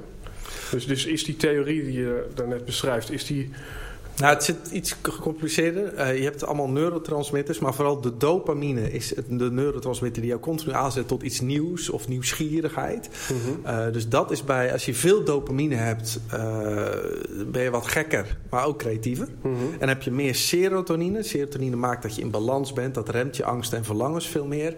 Ja, dan kun je veel beter, zoals mijn boekhouder, heel routinematig werken en twintig jaar lang hetzelfde werk doen. Dus daar zit hem vooral hormonen en neurotransmitters. Mm en dan, de, uh, ik heb je ook eens iets horen zeggen. Ik geloof dat dat uh, Bono van U2 was. Die zei van, weet je wel, bemoei je niet met je pen. Want die, die pen, als je die gewoon loslaat, dan schrijft hij de mooiste dingen op. Ja, dus, dus je merkt ook, het, het vloeit gewoon uit je pen. Mm Totdat je je met die pen gaat bemoeien en denkt, oh, is dit wel goed genoeg? En mm -hmm. ja, dan blokkeert het. Dus als je schrijft en je bent tijdens het schrijven al bezig met, oh, als ik deze column schrijf, wat zullen mensen ervan vinden? Mm -hmm. Ja, dan is het weer weg. dus, dus oké, okay, Johan Cruijff vroegen ze altijd, ja, waarom sta je dan precies op die plek? Ja, hij zegt, alsof ik daar op het veld over nadenk. Ja, ja. Ik ga gewoon intuïtief, ren ik toevallig naar de goede plek. Maar dat kan ik nooit verklaren. Nee, ja, dat doet me ook denken aan een Monty Python aflevering... waarin er elf filosofen op het veld staan. En die staan letterlijk zo te discussiëren. En dus gaat, gaat, die bal er gewoon voorbij. En dat is ja, natuurlijk... Uh, ja, de, de, is, is, zit daar voor jou ook nog een spiritueel uh, uh, snufje aan? Want je beschrijft nu eigenlijk neurologisch of vanuit het brein hoe creativiteit ontstaat. Maar geloof je dat in die, noem het maar, die, die, reinheid of die, in die sereniteit waarin dus creativiteit ontstaat, is dat ook uh, dat je dan als het ware een kanaaltje open hebt staan? Dat je misschien uh, via, uh, noem het maar, een god of via uh, een kanaal open staat voor, voor, voor de grote bron van creativiteit? Nou ja, dit is waar de neurowetenschap natuurlijk uh, uh, stopt. Mm -hmm. Dus die zeggen, wij kunnen zien dat opeens in het brein er activiteit is. Maar waar die activiteit vandaan komt, of wie of wat dat aanstuurt, of zo, dat is natuurlijk het, het grote mysterie. Mm -hmm. Dan ga je alweer richting kwantumfysica. Want je ziet gewoon welke krachten zijn hier gaande. En, en, en dan komen we ook op het punt dat we dat niet weten. Dat is het, het, mysterie waarin we leven. Dus je kunt het God noemen of de bron. Of de. Er kan van alles aan hangen. Ja, dat zou allemaal kunnen. Maar dat is, dit is ook de wetenschap is daar te beperkt voor om er een uitspraak over te doen. Vandaar dat ik blij ben dat ik filosoof ben. Dan kan ik er toch nog wat over zeggen.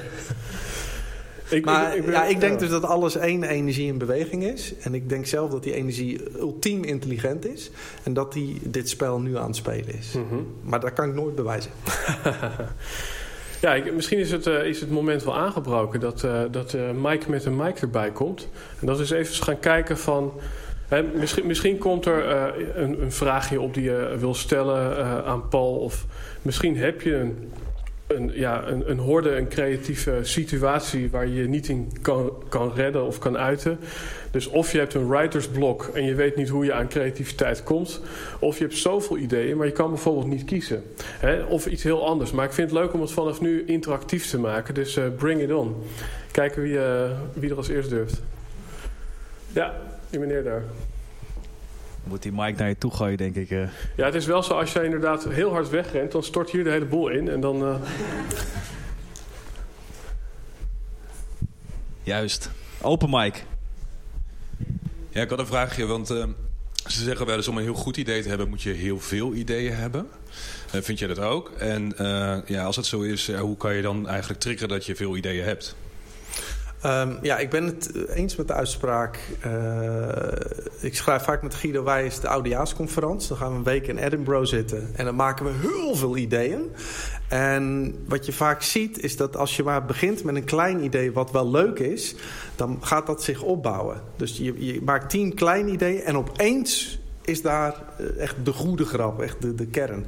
Uh, dus, dus creativiteit is voor mij gewoon alles uit wat in je opkomt... en daarna ook weer veel uh, weggooien. En ja, hoe krijg je die kleine ideeën? Dat is... Uh, nou, we gaan niet voor niks in Edinburgh zitten... waar nul prikkels zijn. geen alcohol, gezond eten, goed slapen. En dan krijg je het allemaal cadeau. Nou, soms een biertje. Soms, maar niet zoveel. Dus... Ja, is er iemand anders die, uh, die uh, dit is je kans. Kijk. Je had het over de aanmaak van allerlei stoffen in je brein. Hè? Dopamine en, dat andere mooie stofje. Wat ik zelf niet heel veel aanmaak. ja. Kun jij iets zeggen over de relatie van het stofje myeline in relatie tot de creativiteit? Uh, nee, want die ken ik niet. Oké. Nee. nee. Maar vertel. Nou, myeline is een stofje in je brein wat uh, een soort isolator vormt rondom de, rondom de neuronen. Mm -hmm. Waardoor je patroon in bewegen heel um, sterk kunt vastleggen. Versneld. Mm. Dus ik vroeg me af of dat ook in relatie staat tot uh, creativiteit. Of dat het stofje dan ook wordt aangemaakt waardoor je super creatief kan worden of zo. Of, uh, of een stofje waarbij je de dromen die je hebt kunt vangen. Ja, nee, uh, myaline, daar heb ik, uh, daar heb ik nog nooit iets over gelezen, ook zelfs. Dus ik ga het eens opzoeken. Ja.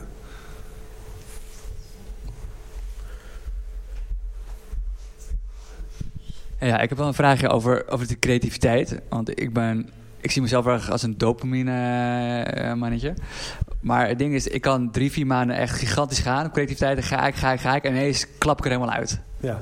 En ik denk vanzelf, oké, wat als ik nou dat gewoon een keer preventief ga voorkomen? Maar ja, dat lukt niet. dat lukt gewoon niet. nou ja, dopamine mensen zijn een beetje gek. En uh, vaak overenthousiast. Um, ook als je verliefd bent bijvoorbeeld, dan giert de dopamine door je hoofd. En we weten allemaal, liefde maakt blind. Dus wat met verliefdheid gebeurt, is dat je een jaar lang overladen bent met dopamine. En een jaar lang denk je, oh, dit is...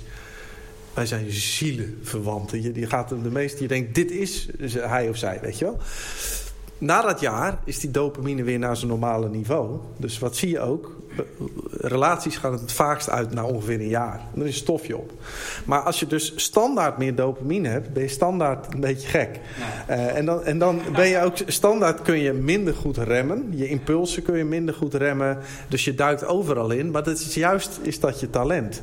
Dus de bijkomstigheid is dat je soms dingen doet dat je denkt, dat had ik beter niet kunnen doen. Dus dat gaat niet voorop. ja. Misschien in de loop van de jaren maak je gelukkig meer serotonine aan als je ouder wordt. Dus, dus we, we worden iets milder als we ouder worden. Dat is het voordeel. Ja, nou, ik zit nu te denken, oké, okay, wat is nou één keer in de twee weken een dag gewoon helemaal niks doen? En ik dacht, ik doe het eerst één keer in de week, maar dat is gewoon te, dat is gewoon te kort op elkaar. Ja. Dus ja, als ik nou een, een, klap, ja, een klein stapje makkelijker maak, ga ik het één keer in de twee weken doen. Uh, maar ik ga het zien. Ik ga het zien. Ja, maar dat, kijk, op het moment dat jij op de bank gaat zitten en denkt, nou, nu ga ik niks doen. Dan heb je binnen 30 seconden, weet je wat een goed idee is? En dan, en dan ga je weer. Dus ja, geniet gewoon van dat talent dat je die ideeën hebt. Ja. Ja, thanks. En, en het, het, is gewoon op het spectrum van, van uh, zeg maar helemaal serotonine, super punctueel uh, gefocust, naar helemaal creatief. Ja, hier ben je ook een beetje gek. Maar zonder dat ben je niet creatief namelijk. Ik heb misschien zelf ook nog even een vraagje. Dan kunnen onder, onder, andere, ondertussen mensen gewoon een beetje blijven nadenken over wat ze willen vragen. Maar wat mij opvalt in mijn vak is dat, uh, dat ik dan op een gegeven moment vraag om kernwaarden te definiëren over hunzelf. Dus die mensen gaan zichzelf duiden. En echt 9 van de 10 mensen zegt ik ben creatief. Dus bijna iedereen vindt zichzelf creatief. En toch zit hier de hele zaal vol. Dus blijkbaar hebben we er misschien toch ook wel wat uh, vraagtekens en wat worstelingen rondom. Ja, hoe, hoe, hoe komt dat? Is, is dat, is dat uh, een stukje narcisme? Of is in jouw ogen iedereen creatief? Iedereen is van nature natuurlijk op een bepaalde vlak creatief. Mm -hmm. Zelfs boekhouders. Je hebt ook creatieve boekhouders. Dat is iets spannender. Die zijn spannender, ja. dus, en, uh, dus je voelt bij jezelf, voelt ieder mens, dat je met ideeën kunt komen. Mm -hmm. Dus natuurlijk hebben we van nature dat gevoel. En omdat je nooit je eigen creativiteit kunt vergelijken direct met een ander... Mm -hmm. denk je van, nou, ik ben echt creatief. En wat ik een heel positief uitgangspunt vind. Want dat geeft wel zelfvertrouwen. Yes, iemand achteraan. De, de, microfoon komt eraan. Is hij lang genoeg? We gaan het meemaken. Ja. yes. Uh, nou, dat is wel interessant dat jij vroeg van... ja, is iedereen dan creatief? En vaak wordt er verwacht van creatieve mensen... dat zij alleen creatief zijn. Maar bijvoorbeeld een boekhouder... Ik word echt boos als mensen zeggen van... jij bent creatief, maar ik niet. Ik geloof ook echt oprecht dat iedereen creatief is. Ook een boekhouder. Dus mm -hmm. ik vind het heel jammer dat het ook vaak wel weer um, genoemd wordt... dat boekhouders of artsen niet creatief zijn. Want een geniale berekening is ook heel creatief. Of is dat inventief? En wat is dan het verschil tussen inventiviteit en creativiteit? Ja, iedereen heeft natuurlijk een, een, een, bepaalde creativiteit, absoluut. Maar als het echt gaat om dat uh, wilde ideeën en out of the box denken... dan zie je toch dat bepaalde typeringen... dat zie je ook bij artiesten, zijn toch, uh, ja, hebben een iets andere karaktertypering. Mm -hmm. Imer, zoals hij bijvoorbeeld. Ja. dus daar, daar zit echt wel. Ik, ik zeg niet dat. Ik zeg, mensen zijn allemaal creatief, maar sommigen zijn gewoon, hebben van nature gewoon meer dat, dat die ballenbak uh, rondgaat. En dan plopt het eruit. En dat is ook waarom maakt de ene artiest de ene hit naar de ander. En uh, ja, heb ik ook een vriend die maakt al twintig jaar nummers en er is geen ene hit. Dus ja, want dat vind ik meteen een goede vraag. Hè? Want uh, daarmee insinueer je bijna dat hits dus uh, vet creatief zijn. Maar mijn mening of gevoel erbij is juist dat dat vaak eenheidsworst is. Dat de top 40, dat het vaak een, eenzelfde thema of of, of hype is uh, die, die naar voren komt. Ja, dat, dat ben ik helemaal met je eens. Nu is die top 40 natuurlijk volledig gemanipuleerd. Hè? Dat zijn mm -hmm. de platenmaatschappijen die beslissen wat in de top 40 komt. Echt niet de consument. Mm -hmm. um, maar als je naar de top 2000 kijkt... dan vind ik echt wel dat de hele uh, ja. vernieuwende muziek... zoals Bohemian Rhapsody... dat was natuurlijk zo out of the box voor die tijd. Ja, ja. Uh, ja dat vind ik echt creatief. Mm -hmm. En maar Freddie Mercury, dat is ook een beetje een aparte man natuurlijk. Ja, want wat ik dan ook interessant vind, hè, is... Uh, je, hebt het uh, dan nu over een artiest... en dan, ja, dan is het bijna een soort van je, je nulwaarde om creatief te zijn... om, om creatief te moeten zijn. Hè. Maar ik kan me voorstellen dat je juist uh, ja, in een beroep als inderdaad boekhouder... Uh, ja, het, het zwaar kan hebben als je niet wil concurreren op alleen maar prijs... of hoe snel je je deadlines kan fixen. Um, dus, dus dan is het misschien, als jij wil opvallen tussen al die andere boekhouders, dan, dan is het misschien juist het boekhouden waar creativiteit ontbreekt. Dus, dus is, wie vindt er hier in de zaal dat hij, dat hij een saai beroep heeft? nou, dat, Oké. Okay. Oh, jij bent ook echt... Ja! uh, heeft iemand iets anders? ik ben manager van een bouw- en woningtoezichtafdeling. Oké. Okay. Nou, je toch wel redelijk saai beroep, toch? Dat is degelijk punctueel toezicht houden op brandveiligheid. Ja, uh, want, want, want, want geloof jij dat, uh, dat, dat je met meer creativiteit veel meer uit je beroep kan halen? Komt de microfoon aan er? Um, nou ja, wat we ik, ik was, hier voorheen was ik trainer, coach uh, en was allerlei soorten sessies aan het begeleiden. Dus dat zit wel het aard van een beestje. Uh, maar ik geloof niet dat we heel veel creativiteit gebruiken in het vakgebied. Het enige wat we proberen is op een andere manier te kijken van wat is eigenlijk de bedoeling. Niet van wat zijn de regels, maar wat is de bedoeling van wat we doen. -hmm. En wat is dan nog meer belangrijk? En wat kunnen we nog meer combineren? En kunnen we niet big data gebruiken? En kunnen we niet kijken naar het gedrag van mensen? En kunnen we nog op andere manieren bekijken hoe we uh, hun gedrag kunnen beïnvloeden dat ze brandveiligheid wordt verhoogd? -hmm. Dus dat is wel verder kijken dan de regels. Dus daar ben ik ook voor ingehuurd, omdat ik dat wel zie. Mm -hmm. uh, maar ja, ik weet niet of je dat creativiteit moet noemen... of gewoon gebruik maken van de kennis en de beweging die je om je heen ziet. Mm -hmm. Nou, ik vind dat ook creativiteit. Omdat je, je hebt allemaal routines op een gegeven moment in bedrijven met protocollen.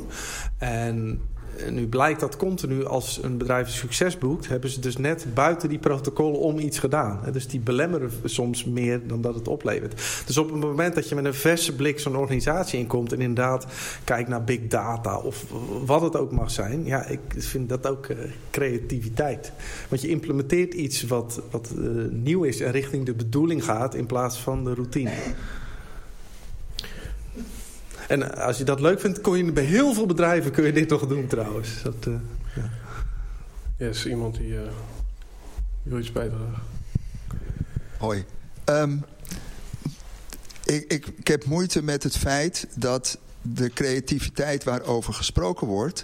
vooral de geestelijke, dus je verstandelijke creativiteit is... in plaats van je handvaardigheid en de uh, capaciteit die je hebt om iets moois te scheppen... wat voor jou en voor je omgeving uh, en misschien ook voor anderen zichtbaar mooi is. Het, het lijkt zoveel alsof creativiteit nu in het kader staat van een hype. Het is op dit moment mooi om te kunnen zeggen van we zijn allemaal creatief en daar moet je naar streven. Terwijl als je een vak uitoefent, dan ben je binnen dat vak, al is het maar timmerman, probeer je zo mooi mogelijk en zo efficiënt mogelijk iets te maken. En daar ben je creatief in, omdat je oplossingen hebt die net niet precies passen bij de standaard oplossing die er al was.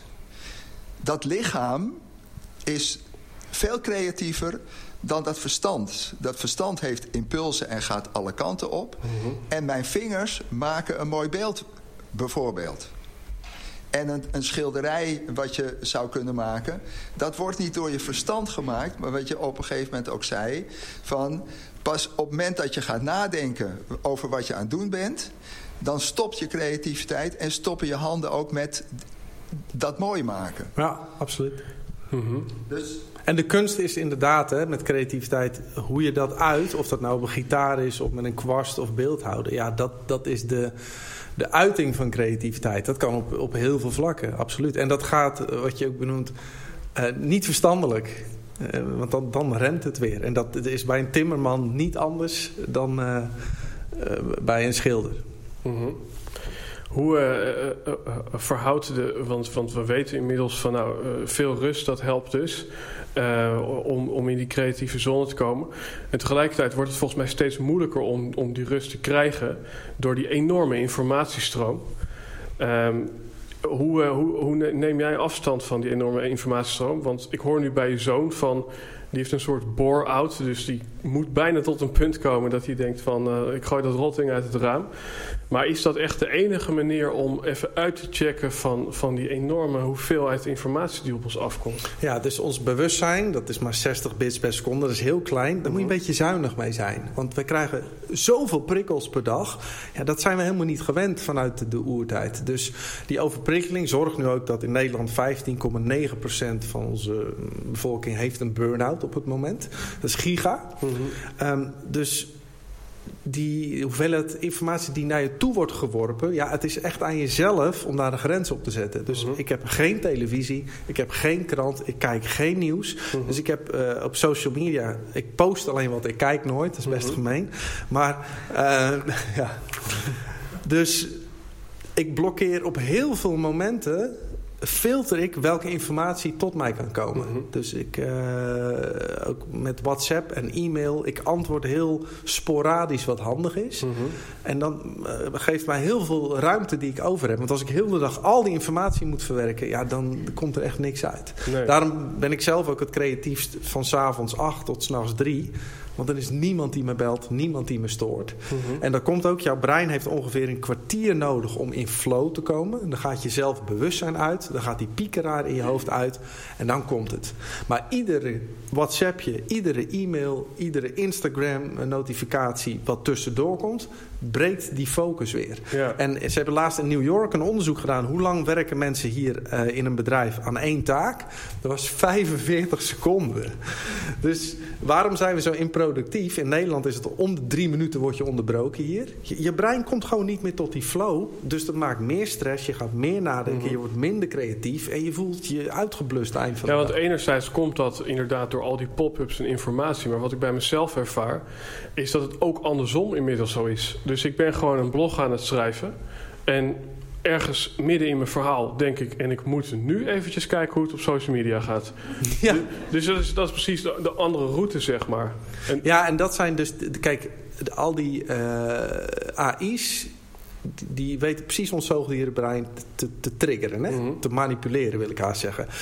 Dus als jij in de oertijd opeens een hert zag, kreeg je een shot dopamine. Wat maakte dat je lichaam dacht, die ga ik vangen. Mhm. Alleen het bizarre is, als jij pliep pliep op je telefoon hebt... is het precies dezelfde oerreactie. Je denkt, mm oeh, kan iets vangen. En dan denk je, oh, berichtje. Dus we zijn totaal dopamine verslaafd door iedere keer dit. Nou, en dat, dat, je telefoon, uh, al, al mijn vrienden weten, als je met mij aan het praten bent of je eet met mij of we creëren iets, die telefoon staat uit. Als iemand tussendoor hem pakt, stop ik. Ja. Want het breekt en de flow. En ik vind het, wat ik heel respectloos vind, dan ben je aan het eten zo. En dan ben ik met jou aan het praten. Dan zeg ik, oh, oh deze moet ik echt even nemen. Ja, dat is echt zo van, nou jij bent niet zo heel belangrijk, maar deze? Ja, dus nee, ik doe daar niet meer aan mee. Nee. Misschien is het ook leuk om het eventjes om te draaien. We hadden het net al over omdraaien. Um, zijn er mensen in de zaal die denken van... nou, ik heb toch iets briljants gevonden om eventjes uit te checken... uit je enorme stroom van, uh, van afleiding en informatie. Of ik heb iets gevonden waardoor ik toch een stukje minder uh, angstig door het leven ga. of, of, zit iedereen ondertussen al op Facebook en zitten wij gewoon met z'n tweeën? Deze moet ik echt even nemen. oh, daarachter gaat een hand voor. Ik heb ook een vraag. Yes. Uh, sowieso ook die, uh, die non-dualiteit waar je over praat, Paul. Dat helpt sowieso. En ik vroeg me af, ik had nog een vraag eigenlijk. Van, uh, zelf met muziek schrijven heb ik vaak dit van... ik schrijf iets en dat gaat gewoon zelf. Dan zit je inderdaad in die flow, dat is leuk. Heb je op je mobiel opgenomen, luister terug, daar ga je helemaal goed op. en dan, daarna moet je tot een liedje maken. En dan merk ik aan mezelf, dan zit ik bijvoorbeeld van 8 tot twee in de bandruimte soms, waarvan het liedje uitschrijven. Dus dat betekent terugluisteren, uitzoeken en een verhaaltje aan elkaar plakken. Dat lukt me gewoon niet. Ik ga dan, weet ik veel, dingen lezen, nu.nl of weet je wel. Ik kom niet in die flow om het daadwerkelijk mijn eerste idee, wat uit de flow kwam, uit te werken. hebben jullie daar misschien tips voor? Van, uh, um, het uitwerken van je, van je vorige flow. Ja, kijk, uh, iedereen heeft zijn eigen interesses daarin. Dus je ziet dat jouw lichaam van nature, de, het basiscreatie, vanuit het niets iets creëren, vindt hij het leukst. En daar zit alle passie in, dat gaat moeiteloos. Maar om het dan te gaan implementeren of te transformeren naar een liedje, daar, daar zit niet je passie. Dus blokkeert je lichaam het kost je te veel moeite. En dan denk je zo hierbij, moeite, hmm, nu.nl. Ja? Die gaat zijn dopamine zoeken. Uh, dus als je in een band speelt... Uh, ik had vroeger ook een jongen in mijn band... Uh, ik ben vaak niet degene die de begincreatie maakt. Ik ben degene die het vanaf daar pakt, de pionier zoals het heet, en het maakt tot een product. En omdat wij samenwerkten, ging dat echt fantastisch. En dat werkt bij wat ik de SAP noemde, die hebben hun innovatieteams ook zo. Sommige mensen creëren uit het niets iets. Dan wordt het beter gepakt. Maar ja, ga niet de rollen omwisselen, want dan, dan zit de passie daar niet. Dus, dus uh, kijk goed wat bij je past. Ja, dus het samenwerken eigenlijk met iemand. Samenwerken, ja. ja. Met, met die gedachte. Is iemand in de zaal? En daarna heb je weer de mensen, dan is het liedje klaar... en dan moet er een album gemaakt worden, en moet nog verkocht worden. Mhm. Ja, er zijn weer andere mensen. Ik heb ook mijn uh, compagnon uit Amerika, dat is echt een communicator. Ik ben de creator, dus ik maak iets... En dat kan hij niet. Hij zit echt vol verbazing kijken, waar haal je het vandaan? Maar dan moet het nog verkocht worden aan bedrijven. Ja, ik vind dat niet interessant. Maar hij, oh jongen, producten. En dan gaat hij iedereen langs en dan gaat hij met iedereen eten. Ja, die man leeft er helemaal op. Alleen, je hebt elkaar wel nodig. Want hij kan niet wat ik kan en, en vice versa. Dus, dus vind de juiste mensen om je heen. Mhm. Ja, ik wil zelf ook nog wat zeggen. Mike en de Mike. Ik, uh, ik schrijf zelf uh, ja, gedichten, raps en dat soort dingen. Maar wat bij mij heel erg goed werkt, merk ik, is als ik iets voor mezelf ga schrijven, dan wordt het een soort van, uh, ik snap het niet meer, wat moet ik nou precies gaan schrijven? Maar als iemand tegen me zegt, ja, schrijf eens over aardappels, een banaan en een ananas, nou, dat is prachtige poëzie. en dat vind ik eigenlijk wel mijn stimulans om altijd mensen op te zoeken die of er helemaal geen verstand van hebben, maar wij wel gewoon, hè, zonder erbij na te denken, dingen geven. En daarmee creëer ik eigenlijk een soort van de flow, of hoe je het wil noemen, in mijn brein. Waardoor ik dus ja, juist die, omdat het zo simpel is, haal ik juist de complexiteit uit de simpelheid van de woorden, om het zo maar te zeggen. En dat werkt bij mij al goed als ik dan ook naar, naar jou luister. Hoe maak je dan een product geheel? Is eigenlijk juist om mensen uh, middels de verwachtingen die ze niet hebben, daarmee juist te overtreffen. Dat is wat je in het begin een beetje noemde. Dat je een bepaalde kader hebt, is fijn voor creativiteit. Dan weet je hoe je focus kunt richten. Anders dan kan het echt alle kanten. Ja, ik moet inderdaad denken, daar hebben wij het volgens mij ook eens uh, over gehad. Uh, dit is al onze tweede podcast. uh, want dat was, noem 15 dingen op die wit zijn in de wereld. Nou, ik ga je nu niet aan je vragen om dat helemaal te doen. Um, maar dan kwamen mensen vaak moeizaam tot 15. En als je zegt, noem 15 dingen op die wit zijn in je koelkast... dan hadden ze er in één keer een heleboel. Ja. Dan gingen ze die 15 voorbij. Dus dat is ook wel een voorbeeld van als je een kader hebt... Uh, ja, dus ook weer inside the box denken. en dan, dan, kom je vaak tot meer. Um, yes, daar is nog iemand die wil een vraag stellen.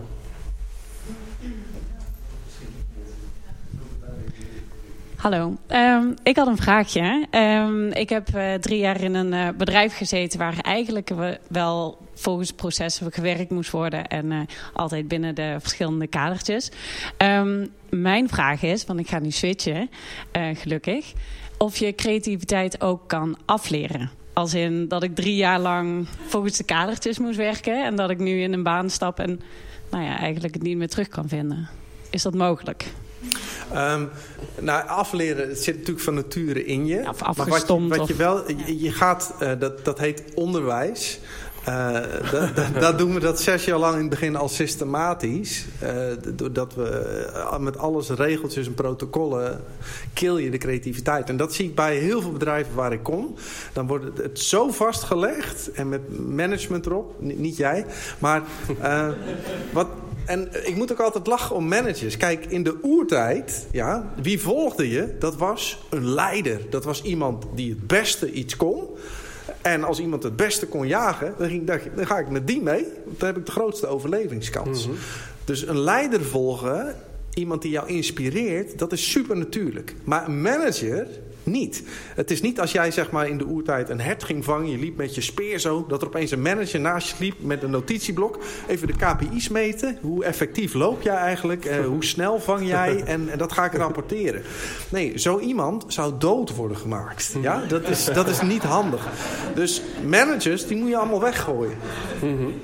Doet me ook denken aan een mooie quote. Uh, en dat... Uh Volgens mij ging het inderdaad ook, dat is ook weer een hypothese, maar ging het de afgelopen twintig jaar heel erg over wie heeft er het meest. Nu gaat het volgens mij over wie uh, creëert het meest betekenis en is gelukkigst. Maar de quote die ik zag staan was: Being different is better than being better. Is dat zo? Is, is het belangrijker anno 2019 om totaal anders dingen te doen? Of is het vooral toch echt wel het belangrijkste dat je gewoon echt de beste bent en niet? Want ik kan me voorstellen hè, dat er alleen al een miljoen coaches in Nederland zijn, heb ik gelezen. Dan is, ja, dan is er maar eentje de beste. is toch een beetje lullig. Ja, en het lullige klas is van de week een onderzoek dat als je maar 1% beter bent dan de rest, is dat al genoeg om, om 80% van de markt te veroveren. Wow. Dus degene die goud wint, hoeft maar 0,1 seconden sneller te zijn dan de nummer 2. Maar die wordt wel door iedere talkshow uitgenodigd. en, en, met dat, en als jouw boek toevallig net iets beter verkoopt dan de nummer 2, ben jij de bestseller. En dan gaat alle aandacht naar jou. Dus, dus, en dat was in de dierenwereld al. Als je je 1% beter onderscheidt van de rest, dat is al genoeg om te overleven. Ik heb dat ook begrepen bij Google. Dat de nummer 1, 2 en 3 in Google, uh, daar gaat het om. Uh, en de rest, die, die ligt er überhaupt helemaal uit, zeg maar. Nee, de baas van Google zei... als je een lijk wil begraven, moet je het op pagina 2 van Google doen. Daar komt nooit iemand. Geniaal. Ja, ja, ik had nog even twee vragen. Ik ben benieuwd hoe jij er naar kijkt. Um, ik hoor steeds meer over hooggevoeligheid omheen. Ik betrap mezelf er veel meer op. Mm -hmm. um, denk jij dat dat een, iets van een ontwikkeling in de mensheid is? Dat we steeds um, hooggevoeliger worden? En daarnaast was mijn vraag, hoe zie jij dat als we kijken naar de Neandertaler... en straks in de toekomst dat we half robot, half mens zijn? Ja, dat, dat sensitiever worden, daar hebben ze onderzoek naar gedaan. En dan blijkt echt dat bij de nieuwe generatie bepaalde breinfuncties... die met meer emoties en gevoelens te maken hebben... actiever zijn dan bij vorige generaties. Dus daar zit een kleine verschuiving in, gewoon biologisch. Um, daarnaast denk ik dat het ook met perceptie te maken heeft. Ik denk dat er altijd al hele gevoelige mensen waren... maar nu is het veel meer bespreekbaar, vind ik, in deze tijd. En hoe wij richting de toekomst gaan, half mens, half machine. Um, ja, dat weet eigenlijk niemand. Ook bij Google hebben ze nog geen idee. Ik, vind het een beetje eng dat ze al bezig zijn om chips in breinen te implanteren. Nou ja, het, wordt een soort halve robocop. En ze zijn met CRISPR-technologie bezig. En wij kunnen straks al 500 jaar oud worden. En, en dat is over niet al te lange tijd al 1000 jaar oud. Dat, dat, moet bizar zijn dat je zegt, ja, we zijn nu 783 jaar getrouwd. Ja. We hebben wel een paar dipjes gehad in onze relatie. Hij is 400 jaar geleden vreemd gegaan. Ja. Um, ik ben heel benieuwd hoe dat wordt, zeg maar. Maar de Google-topman, die wil nu al zorgen dat hij 500 jaar oud kan worden. Dus die investeert heel veel in CRISPR.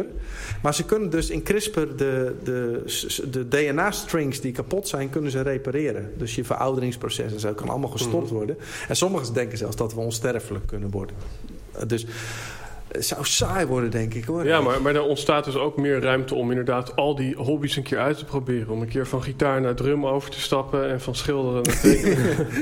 nou ja, ik, ben, ik, ik, ik, ik denk dat de mens nog psychisch niet in staat is om dat te doen. Want het is al, je midlife crisis is alleen maar omdat als je 40 bent, denk je brein, huh? Leef ik nou nog? Huh, wat voor nut heeft het eigenlijk? ja, vroeger was je al lang dood. Dan dacht je er helemaal niet over na. En heel veel ouderdomsziektes zoals hartkwalen en kanker. Ja, vroeger werd je niet eens zo oud. Met uitzondering van een aantal mensen wel, maar statistisch heel veel niet. Uh, dus dat, uh, maar als we nu duizend jaar oud worden, ja, ik ben heel benieuwd waar dat naartoe gaat, echt. Nou ja, over uh, duizend jaar dan gaan we de derde ik, podcast Ik ga het niet meer meemaken, maar gelukkig niet. Yes, iemand heeft een vraag. Ja, een beetje in het verlengde van, uh, van de vorige vraag. Uh, je had het net over de invloed van uh, AI op muziek. Um, denk je dat AI in de toekomst ook het, het creatieve menselijke brein voorbij kan streven? Als je er maar genoeg ja, big data in gooit, dan moet daar volgens mij ja, hele creatieve ideeën uit voortvloeien. Um, nou, wat ze zeggen, de AI werkt natuurlijk op een hele andere basis dan ons brein. Hè? Dus onze creativiteit zit veel meer in uh, gevoelsmatige dingen. Dus gevoel is een heel uniek iets. Um, een computer kan nooit voelen. Dus dat is een achterstand al. Die kan alleen op basis van heel veel berekeningen tot iets creatiefs komen. Dus die kan ook een Beethoven-compositie uh, maken. Die zijn er al. Um, dus ja, die kan dat. Alleen of die echt het niveau van ons brein ooit gaat evenaren, denken veel mensen van niet. Dat is echt een unieke menselijke eigenschap. En zeker het feit dat wij uh, liefde kunnen voelen, van muziek kunnen genieten, van eten kunnen proeven. Hè, dat zijn typisch menselijke eigenschappen. En ik denk niet dat de computer ooit, omdat hij heel anders geprogrammeerd is, die kan het imiteren, maar nooit zo ervaren als wij. Ik vind het even leuk, hè? Weer even, uh, ja, we rollen zo uh, richting het einde van deze podcast. Maar ik, ik vind het nog even leuk om te vragen van... Uh, handen omhoog als je hier zat omdat je veel te veel ideeën had en niet kon kiezen. Yes, nou dat is één hand. Dus handen omhoog wie geen idee heeft, want dan kan je daar... Nee, dat is serieus. Van, van wie, uh, wie heeft daar juist problemen mee? Dat je denkt, ja, ik, heb, ik heb helemaal geen uh, idee... of ik heb steeds een writersblok... of ik kom helemaal niet aan toe om creatief te zijn. Mm -hmm. en, en wie zit hier omdat hij meer betekenis wil uh, creëren... voor zichzelf of voor zijn omgeving? En wie zit hier om een hele andere reden? Bijvoorbeeld de lekkere koffie? Kijk... Ja, we staan bekend om onze goede koffie inderdaad.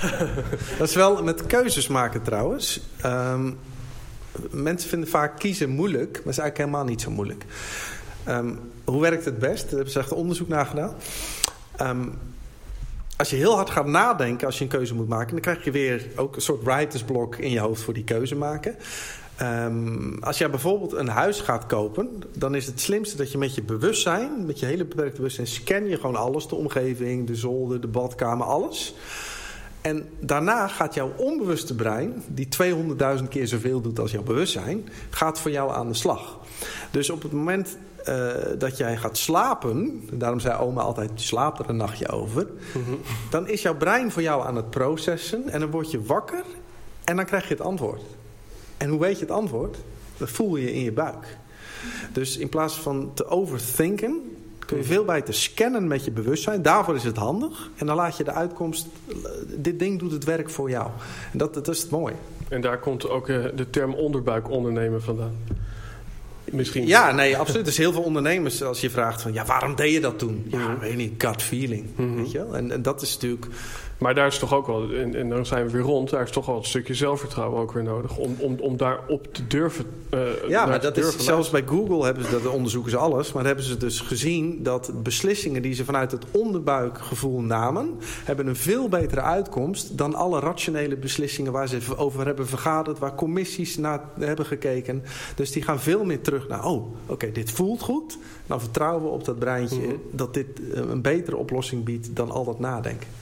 Dus nadenken kan af en toe nuttig zijn om een beetje te scannen en sommetjes op te lossen. Maar voor de rest moet je dat ratio niet te veel uh, overschatten.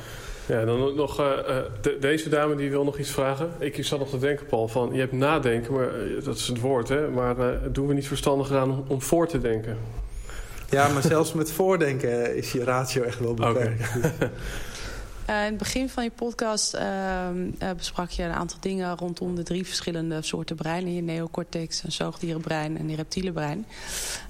Um, met elk zo zijn eigen eigenschappen. Uh, hoe werkt dat als het gaat om passie?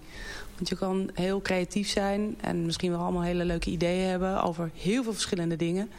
Um, maar hoe vertaalt zich dat dan vervolgens in passie? En dat je dat, waarvan je dan weet, dit is het enige wat ik nog wil doen. Ja, dat is een mooie vraag. Uh, passie is natuurlijk niet iets wat jij rationeel kiest. Dus dat komt niet vanuit die neocortex. Dat zit hem voornamelijk, uh, ik ga iets kort door de bocht nu, maar voornamelijk in dat zoogdierenbrein. Wat een bepaalde plezier ervaart uh, om iets te gaan doen. En die plezier is dermate groot dat het de lijdensweg wil doorstaan, als ik het even zo noem. Dus je gaat opeens heel veel moeite doen, wat eigenlijk heel tegennatuurlijk is voor het brein om toch iets te bereiken. Daarom is passie eigenlijk het, het most precious thing we have. En daarom zou het hele onderwijssysteem veel uh, mooier worden als we gaan focussen bij kinderen op wat is je interne drijf. Want dat is iets unieks. In plaats van dat we gestandardiseerd onderwijs geven. En daar zouden we uh, veel creatiever van worden, maar ook blijere kinderen van krijgen. En niet zoals mijn zoon uh, die ik naar school moet tillen, zeg maar. Dus, maar dat zit dus voornamelijk in die laag van je brein. En dat is dan zo sterk dat het ook de routines van je reptiele brein weet te doorbreken. En, uh, ja. Interessant.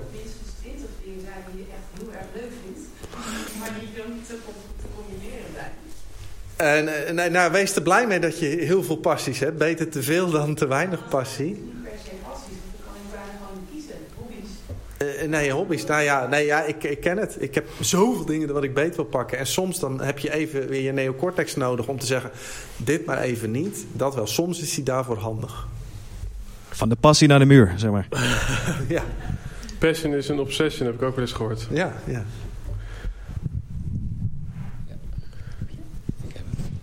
Nou, je schetst dat je geen vrije wil hebt, dus daar wil ik nog heel veel op inhaken. Want ik heb zelf het gevoel dat ik echt heel veel op wilskracht heb gedaan in het leven. En ook gedachten dat je dat niet bent, zeg je, daar, dat, daar kan ik inkomen. Maar je hebt natuurlijk willekeurige gedachten op een dag, misschien wel honderden, duizenden. Maar die gedachten die je voor waarheid aanneemt, dat worden dan overtuigingen vervolgens. -hmm.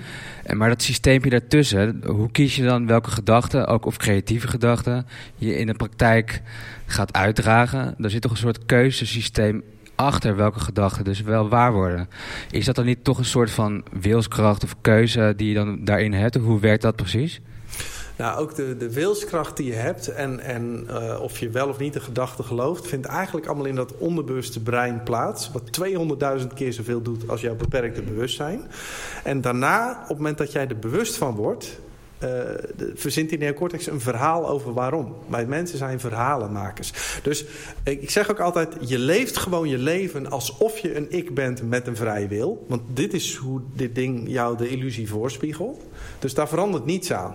He, dus het lijkt voor mij alsof ik koos dat ik er hier was en alsof ik kies wat ik zeg. Terwijl ik tegelijkertijd besef dat dit allemaal automatisch plaatsvindt. En... Dus je kan eigenlijk niet anders dan geloven dat je een vrije wil hebt?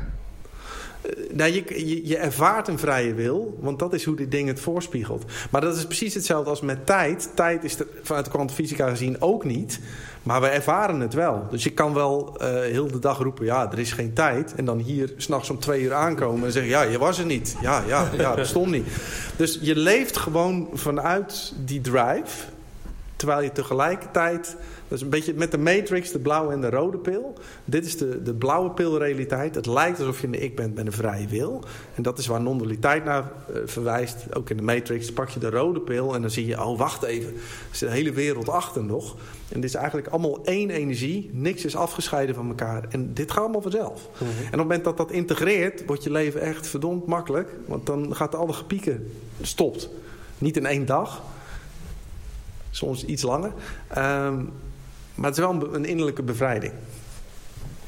Okay. En het is juist namelijk dat, dat ikje wat denkt dat hij de controle heeft, waar de kramp vandaan komt. Want op het moment dat ik iets kies wat niet heel handig is, en dat gebeurt nogal eens, eh, dan kun je heel erg gaan piekeren. Oh, dat heb ik fout gedaan, ik ben niet goed genoeg. Nou, en dan komen al die projecties en verdedigingsmechanismen. En dan, uh, ja, daar hebben mensen het vaak uh, heel druk mee. Mm -hmm. Mag ik nog één laatste ding vragen? Yes. Want die non-dualiteit betekent toch eigenlijk geen tweeheid, dat het één geheel is? Ja. Maar hoe, als iets één geheel is, dan moet er toch een tweede iets zijn wat dat kan waarnemen, zeg maar. Dus wat is dan datgene dat dat geen eenheid als eenheid kan waarnemen, zeg maar? Nou ja, waar zij naar verwijzen is ehm, dat alles, alles is met elkaar verbonden. Alles is één. En wij denken vaak dat we onze gedachten creëren. Alleen jij kunt je gedachten zien. Klopt hè? Maar wie is het die de gedachten ziet? Dus er is bewustzijn wat de gedachte ziet. Dus je bent niet je gedachten. En dan kun je zeggen, ja, ik ben het bewustzijn. En dan kunnen we nog een stap dieper. Bent u er nog? Ja? Uh, dan zie je, waar komt dat bewustzijn vandaan? Ja, dat is een verschijning in energie. Dus dan kom je bij Einstein uit. Dat alles is energie. En het is bovendien, hè, van als je zegt, uh, uh, ik, ik ben Eddie en ik, haal mijn armen eraf en ik ben nog steeds Eddie. en ik haal mijn benen eraf en ik ben nog steeds Eddie. En ik haal dan op een gegeven moment ook mijn hele romp eraf en dan ben ik nog steeds Eddie. Maar tot waar ben ik nog steeds Eddie? dus het is ook wel een goede om daar even op, op, in te checken. Van, hey, waar in mij zit die Eddie dan eigenlijk? Ja. En dan denken mensen, nou zit Eddie ergens tussen mijn oren, achter mijn ogen. Daar zit een heel klein mannetje met een stuur. Die probeert alles met een controlekamer. Maar die ik zit er niet. Die ik is, een, is ook allemaal breinactiviteit.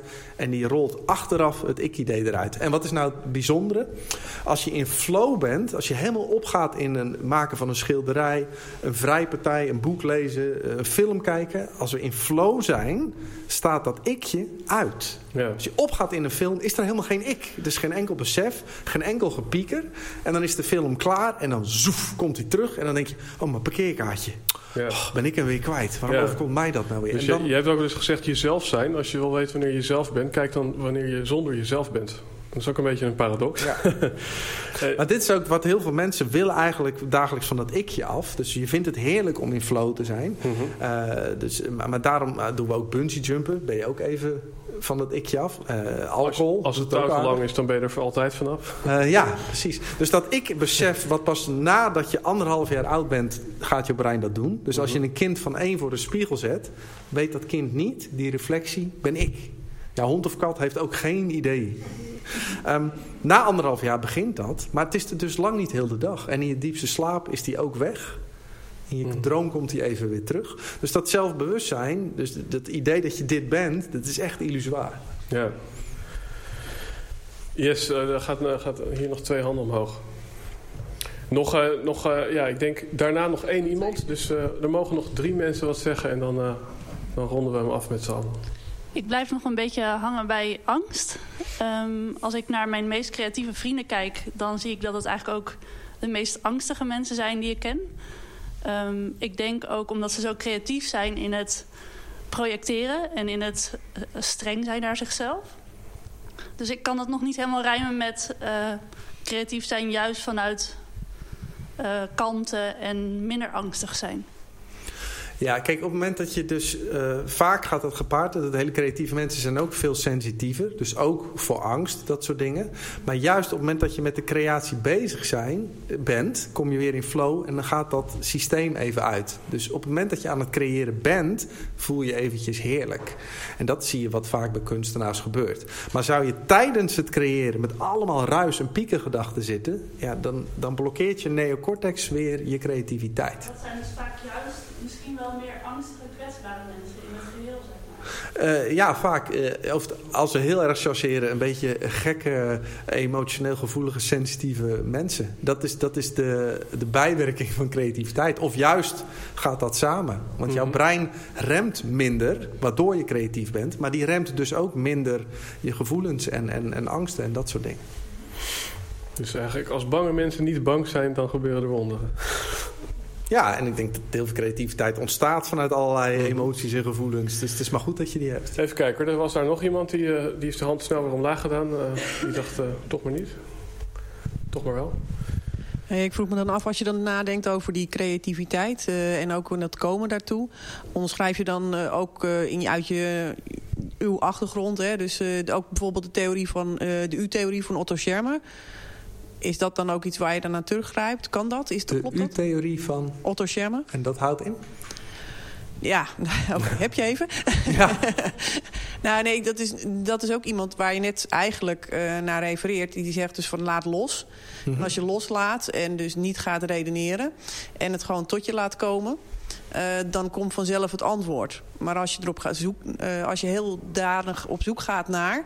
en alles probeert te manipuleren tot, dan komt het niet. Dus ja. het loslaten, dus dalen in die u, uh, geeft je die vrijheid. Mooi, ja, absoluut.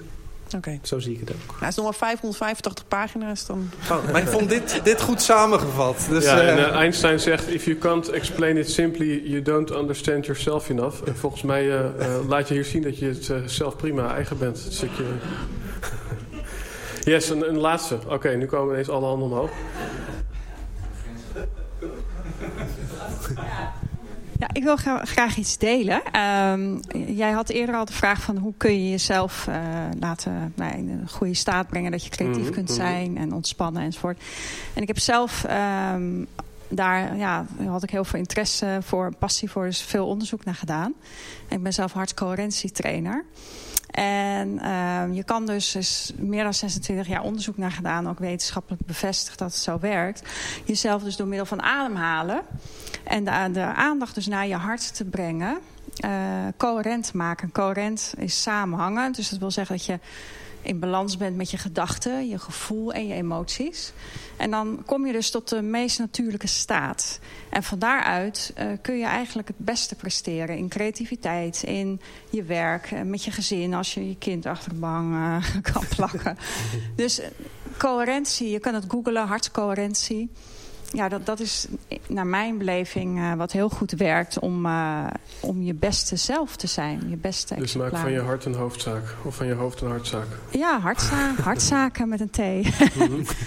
Heb jij ervan gehoord? Ja, van hartcoherentie ja. van het uh, HeartMath Instituut in Californië. Dat is een non-profit organisatie. En die hebben daar dus uh, een hele ja, studie van gemaakt. En uh, ja, dat is, ik kan wel één techniek uitleggen. Het is heel simpel. Het is, je gaat uh, gewoon even rustig zitten. Gewoon ontspannen.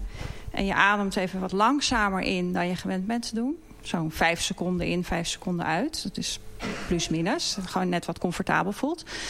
En dan breng je even de aandacht naar je hart. En je raakt het ook even aan. Dat je je hartslag en je fysieke hart voelt. En wat er dan met je brein gebeurt. Dus de aandacht in het lijf gaat naar het hart. Dus je gaat automatisch uit je hoofd. En dan uh, natuurlijk ademen we door onze longen in. Maar dan beeld je in dat je als het ware door het hart in en uit ademt. En dan via het hart naar de buik. Hè, dat je ook die diepte maakt. Nou, en dan, als je dat een paar minuten doet, nou moet je dan maar eens gaan voelen wat er dan met je gebeurt. En dan doe je ogen weer open. Dan ga je lekker schrijven of schilderen of kliederen of klodderen. of uh, een oplossing bedenken voor een probleem. Maar uh, ja, ik kan het echt aanraden. Dus, uh, Mooi, Mooi, dankjewel. Hartelijk dank. Hartelijk dank. Allerlaatste. Een korte vraag. Um, ik ben even benieuwd naar uh, de visie op uh, focus en creativiteit. Want ik herken het bij mezelf en ook bij heel veel creatieve mensen om me heen... dat die het vaak verschrikkelijk moeilijk vinden om dan vanuit die veelheid aan creativiteit te focussen. Mm -hmm.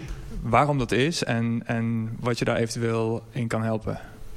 Uh, ja, creativiteit is namelijk juist uit de focus gaan waardoor je creatief bent. Dus het is heel uh, begrijpbaar dat van nature dat focussen moeilijker wordt gevonden. Um, dus, dus mijn enige tip zou zijn, wat we een paar keer benoemd hebben nu... dat je in ieder geval een aantal kaders hebt waarbinnen je, binnen je iets gaat creëren. En dan maak je het voor jezelf al makkelijker.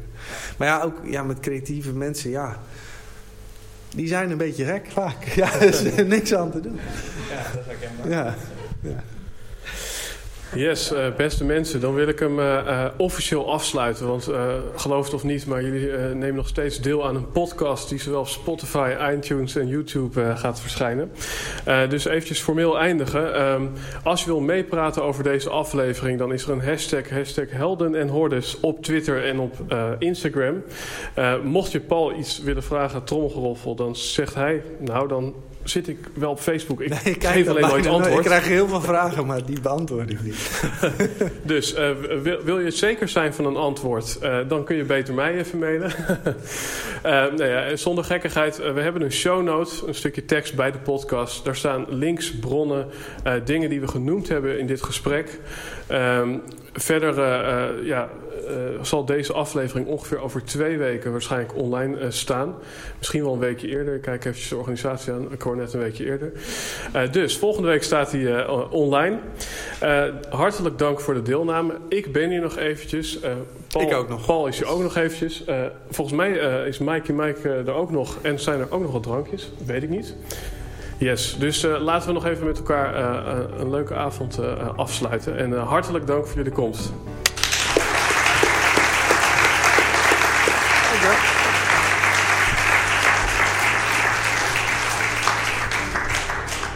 Misschien nog leuk voor jou als luisteraar.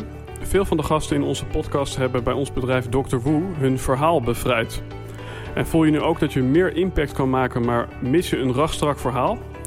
Dan is het misschien leuk als je een keer vrijblijvend met ons mee komt lunchen. En daarvoor kun je het beste even naar Eddie appen. En Eddie, dat ben ik. En mijn nummer staat in de show notes van deze podcast. Dus tot snel bij de volgende podcast of misschien bij ons aan tafel. Ciao!